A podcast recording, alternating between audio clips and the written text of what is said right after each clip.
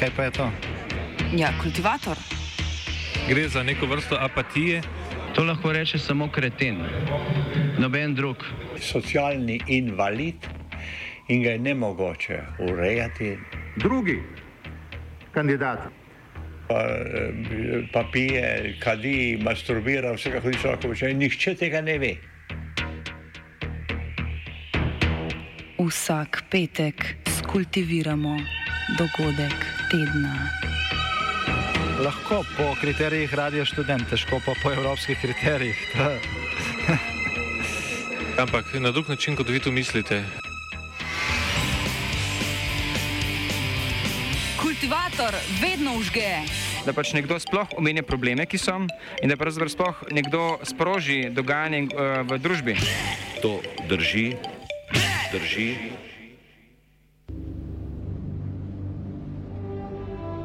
Posebna vojaška operacija in nemir. Vojna v Ukrajini je vstopila v četrti teden. Posebna vojaška operacija, kot jo je poimenoval ruski predsednik Vladimir Putin, po zagotovilih Kremlja poteka po načrtih, čeprav vidnejših uspehov z izjemo zauzetja ozemelj južnega dela Ukrajine, ruska vojska za zdaj ni dosegla. A v tokratnem kultivatorju ne bomo analizirali vojaških taktik in premikov, ki so za seboj pustili 3,2 milijona beguncev, temveč bomo pod drobnogled vzeli porast cenzure in represije v Rusiji po invaziji na Ukrajino.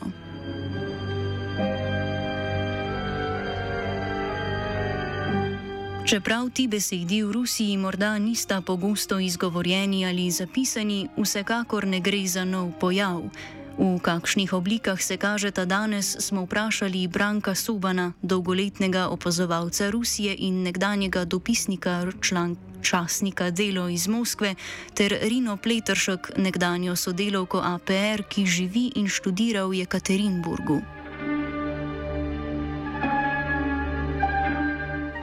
Zvezdna služba za nadzor komunikacij in informacijske tehnologije Roskom nadzor, ki v praksi deluje kot medijski regulator oziroma cenzor, je kmalo po začetku invazije uvedla cenzuro neodvisnih medijev.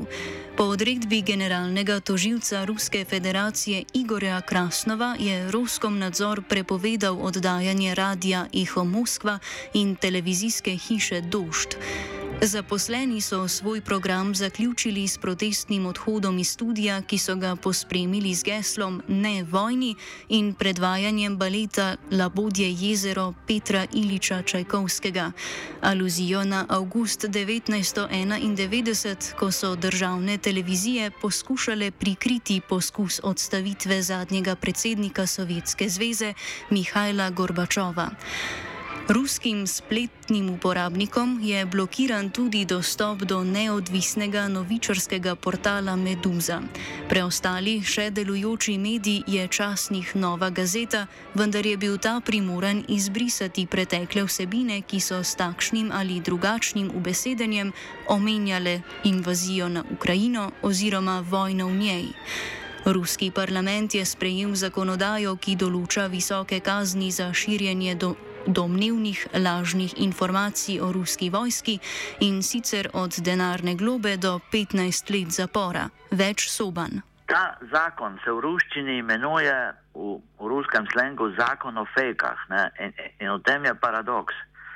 Vojne ni, se pravi, kdor govori o vojni laže, ne? se pravi, resnica je postala laž in obratno. Ampak tukaj je še en paradoks, ne, na katerega je opozorila Ljudmila Narusova, ona je poslanka zgornjega doma ruskega parlamenta, vdova Anatolija Sobčaka, nekdanjega župana Sankt Peterburga, ki je v bistvu politični boter Vladimirja Putina in tudi Dimitrija Medvedjeva. Ona je opozorila, da je ta zakon, ki propoveduje omenjanje vojne, v bistvu v nasprotju z veljavno rusko zakonodajo. Kajti cenzuro je mogoče uvesti samo v primeru vojnega stanja ali pa izrednih razmer. Ampak ker vojne ni, ruska vlada izrednega stanja ni razglasila in je v bistvu uh, ta prepoved omenjanja vojne in sklicevanja zgolj na nekakšno spec operacijo, kot se temu reče po rusko, v nasprotju z zakonodajo. Ne, tako da tukaj oblast, režim sam sebi nekako pljuje v lastno skledo. Medijski prostor v tradicionalnem pomenu se je v Rusiji skrčil na državne medije in ostale, ki poročajo po nareku oblasti. To sogovornik, glede na obseg poseganja v novinarsko delo, označuje za vojno cenzuro. In tale došt in eho Moskvi sta bili zelo poslušani, zelo poslušana medija, ampak vendarle za širjenje kremeljske propagande je bistveno pomembnejše, da obvladuje televizijske kanale, državne televizijske kanale, ki so z leti postali glavno orodje širjenja kremeljske propagande in kremeljske resnice o dogajanju v Ukrajini. Tam pa ima režim, ima Kremelj popoln nadzor.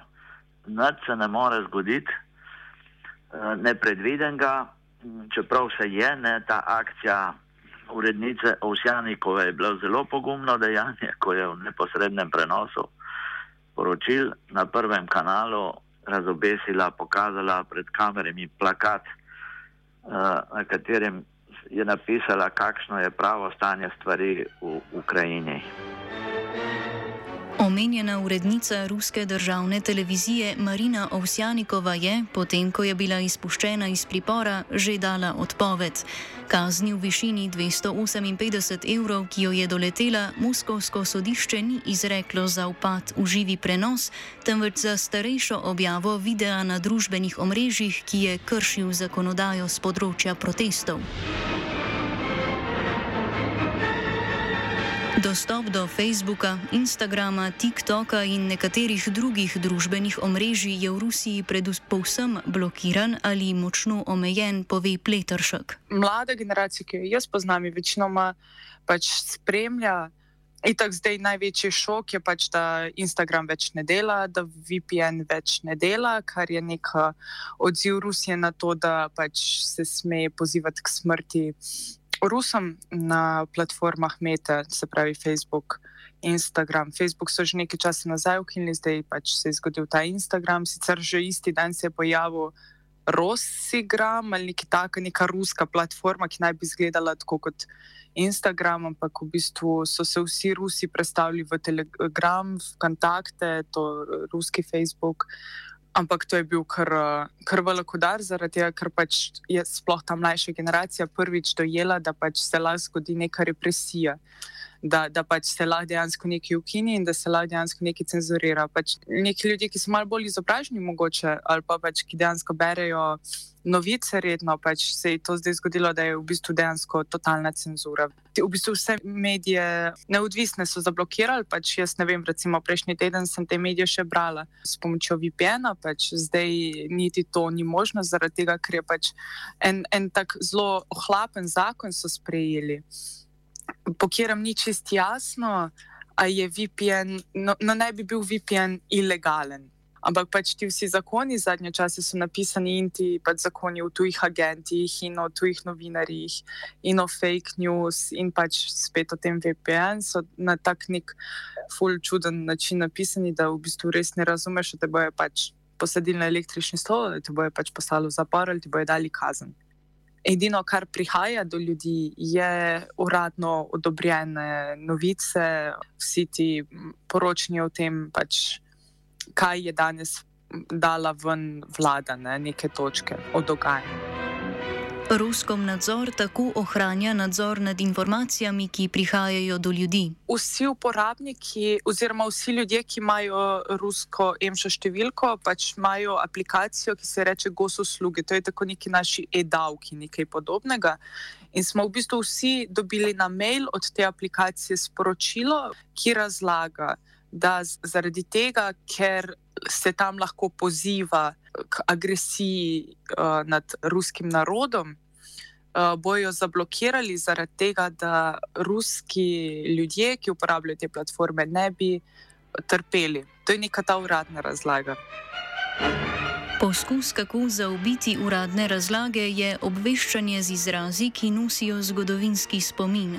Tako je med neodvisnimi mediji zaokrožila oznaka Gruz 200, ki, kot pojasni sobam, Rusom vzbudi asociacije na neke druge čase. Gruz 200 ali tovor 200 po naše ima v ruski javnosti izjemno slab in negativen prizvok. Ta izraz je nastal med vojno v Afganistanu, ki je eh, trajala deset let, od leta 1979 do leta 1989 in je v bistvu pomenila začetek konca Sovjetske zveze. S to šifro so označevali pocinkane krste, v katerih so iz Afganistana vozili domov mrtve sovjetske vojake v vsaki vojni, ki je sledila, ne, tudi po razpadu Sovjetske zveze, Putin je bil pleten v kar nekaj vojn, ampak tale proti Ukrajini je v bistvu najstrašnejša, najhujša. Iz vsake vojne so prihajale te krste, to dejstvo, ne, da začnejo domov prihajati pobiti mladi vojaki, seveda močno vpliva na javno mnenje. Mislim, da bo tako tudi v tej vojni. In tudi zaradi tega, ker pač krste so slab znak, so začeli uporabljati nove metode, premične krematorije, ko na kar na bojišču se žigajo padle in domov pošiljajo žare, kar, kar seveda povzroča nov srd zlasti med svojci, ne? ker nihče ne ve, kaj je v žari, a je v resnici tam njihov sin ali ne. Ob invaziji na Ukrajino smo v Rusiji priča svoje vrstnemu novoreku, ko, kot omenjeno, vojna ni več vojna, temveč specialna vojaška operacija, tako imenovana specoperacija. To, kar zdaj počne ruska propaganda, je v resnici nekakšen Orvelov novorek, ampak ne gre samo za Orvela, gre tudi za knjigo Jezik Tretjega rajha Viktorja Kempererja, ki so ga v Kremlju očitno zelo natančno brali, kjer avtor govori, ko gre za konflikt o nenehnem zamegljevanju dejstev. In točno to Rusija vse čas počne. Od, od tod tudi izjava zunanjega ministra Lavrova, da vojne ni, da Rusija sploh ni napadla Ukrajino, ne, kot, kot da mi ne bi imeli na voljo uh, posnetkov v živo uh, na različnih medijih iz Ukrajine neposredno iz Ukrajine, neposredno iz dogajanj, neposredno iz obleganih mest. Soban Putina spremlja vse od njegovega vzpona na oblast leta 1999. Kako se Putinova Rusija s Putinovo vojno umešča v sedanjosti? Jaz pogosto pravim, da se brško ne mnogim novinarjem uh,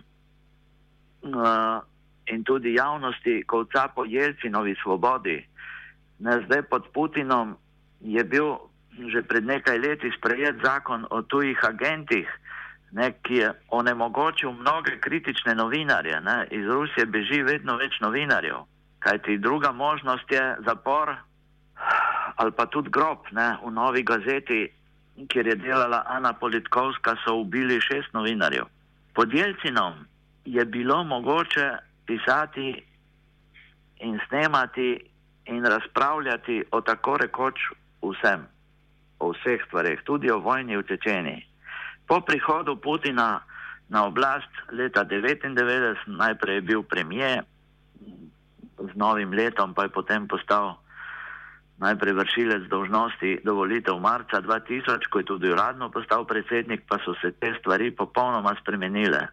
Ne, ena prvih tarč so postale televizije, zlasti NTV, že ime pove, da gre za neodvisno televizijo, ki je izjemno kritično poročala o vsem, tudi o vojni v Čečeni. Kmalo po prihodu Putina na oblast so to neodvisno televizijo, ki smo jo seveda gledali in poslušali vsi tuji dopisniki, čez noč zasedli Putinovi ljudje in neodvisne televizije je bilo konec.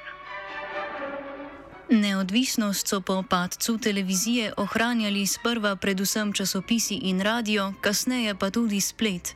V obdobju miru je oblast te medije omejevala, a jih ni v celoti prepovedala. Mere so obstajali neki otoki kritičnega pisanja, ki jih je oblast morda tolerirala prav zaradi tega, ker nimajo prav velikega dosega. Ne.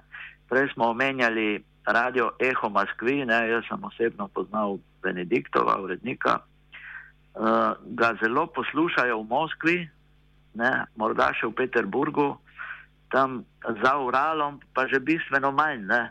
Tile mediji so pomembni, vsekakor, ampak nimajo pa tacga dometa in dosega kot državne televizije, ne, ki, ki so za mnoge ljudi, zlasti v provincah, edini vir informacij. Televizija kot osrednji medij v Rusiji zarisuje svoje vrstno prelomnico med generacijami, ki je še posebej opazna zdaj, ko se je ruska družba ob vojni v Ukrajini, nemogoče je sicer oceniti, v kolikšni meri, polarizirala.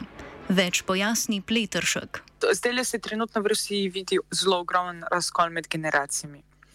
Vsi, s katerimi sem se pogovarjala, starejši od 60 let, so iskreno, zelo, zelo iskreno prepričani, da je to, kar se dogaja, prav, da civilistov ne ubijajo, da to Ukrajinci sami rakete mečejo na, vem, na dele mesta, kjer ni vojaških oporišč, kjer ni eh, vojaških uh, kakršnih koli sploh stavb.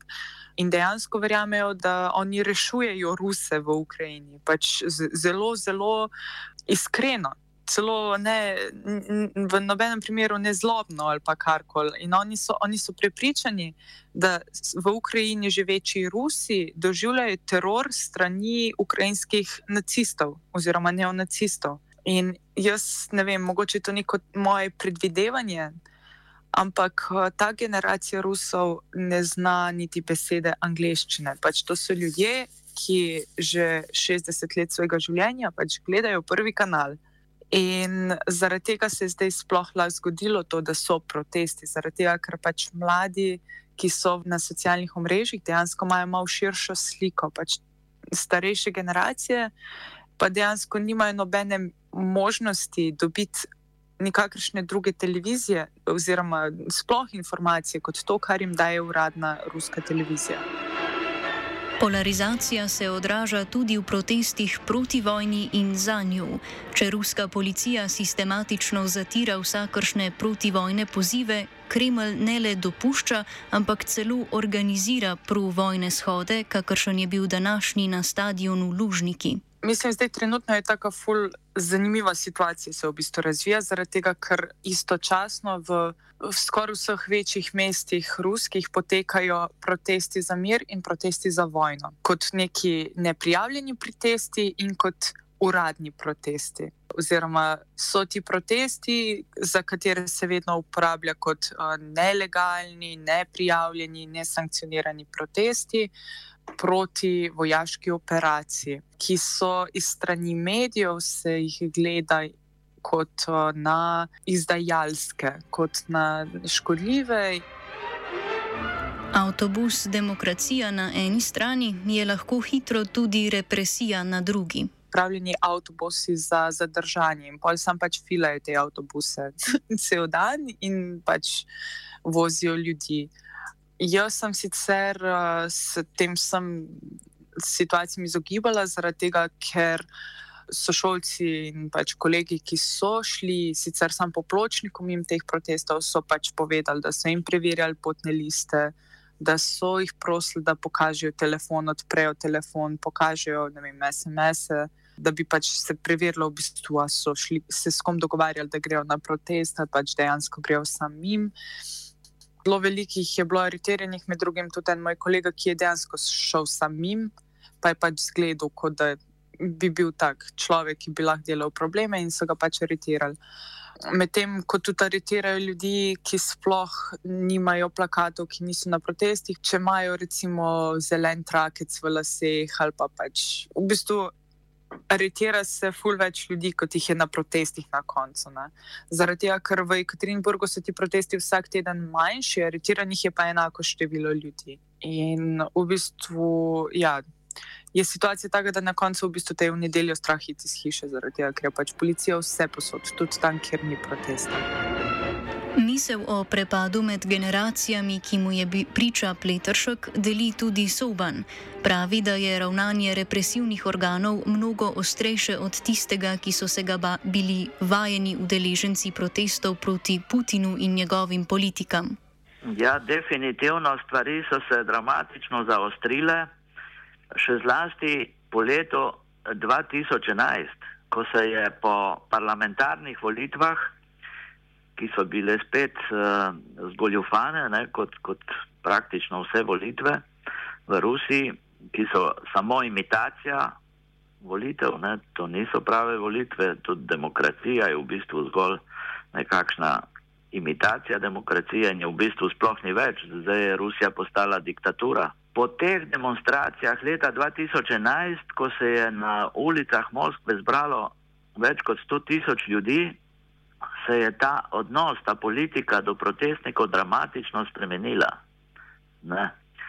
Recimo, če je bilo včasih dovoljeno protestirati uh, v, nekih, v nekih mejah, seveda, zmeraj je bila policija zraven, zmeraj so bile aretacije, ampak policija se nikoli ni obnašala tako brutalno do protestnikov, kot to počne zdaj, kot je to počela do protestnikov, ki so prihajali na ulice in trge mest po vsej Rusiji, da podprejo Alekseja Navalnega in kot prehajajo zdaj na ulice, da protestirajo proti vojni v Ukrajini. Naj protestirajo predvsem mladi, to je zanimivo, ker prav mladim v bistvu zdajšnji režim, zdajšnji Putinov režim krade sedanjost in prihodnost. Mladi tega nočejo, mladi nočejo vojne, mladi hočejo mir in prihodnost.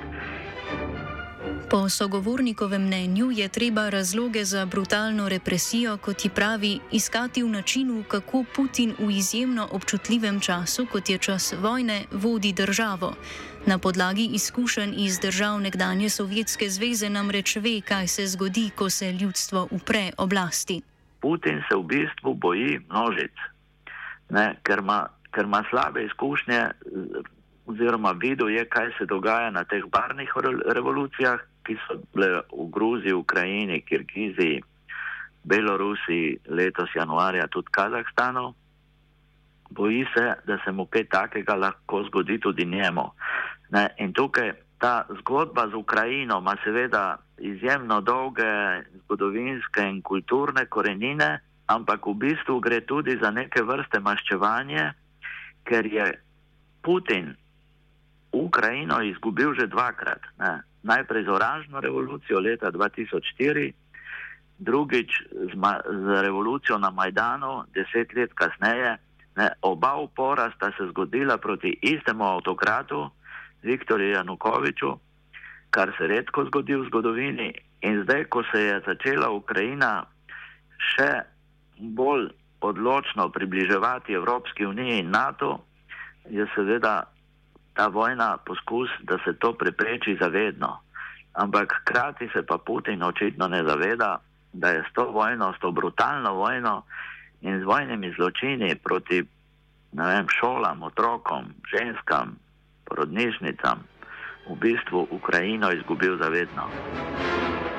Številni novinarji v Ukrajini zadnje tedne citirajo Ukrajinke in Ukrajince, ki pravijo, da svojih sorodnikov v Rusiji ne morejo prepričati o tem, kaj se dogaja v Ukrajini. Kot pove Pletršek, se sama ruskim medijem izogiba. Jaz iskreno se precej izogibam nekih uradnih teh kanalov, pač poskušam uh, v Telegramu, pač sledim Meduzi in ostalim nekim mal bolj neodvisnim medijem, pač kakim evropskim medijem, ki jih niso zablokirali. V bistvu vse, kar dobivaš iz ruskih medijev, kar je zadnje čase se v kontakte v tem ruskem Facebooku uh, zelo veliko sponzorira, pač so sponzorirane objave teh medijev je v bistvu uh, videl nagovori Putina. Zelo veliko se objavlja prispevke o tem, kako je vem, ta vrtec ali pa ta šola ali pa ta faks protestiral oziroma naredil akcijo v podporo vojni. In sicer pač otroke ali pa štente tako naredijo, da se postavijo kao črko z in pol to z dronom snemajo. To je zdaj neka fulpopolarna stvar.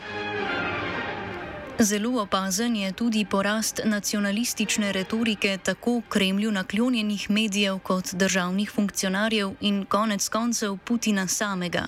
V sredinem televizijskem govoru se je Putin obregnil ob tiste ruse, ki nasprotujejo vojni ali, kot se je izrazil, peto kolono.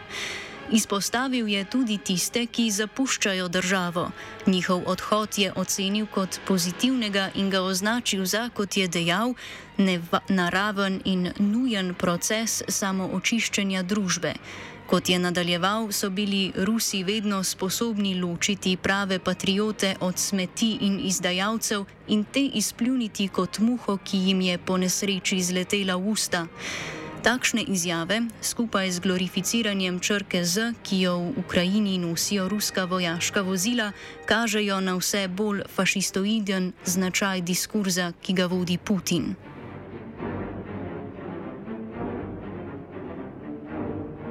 Kultiviral je Fabian.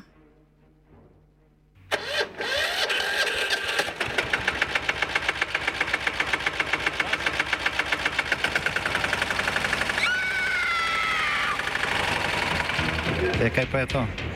Ja, kultivator. Gre za neko vrsto apatije. To lahko reče samo kreten, noben drug. Socialni invalid in ga je ne mogoče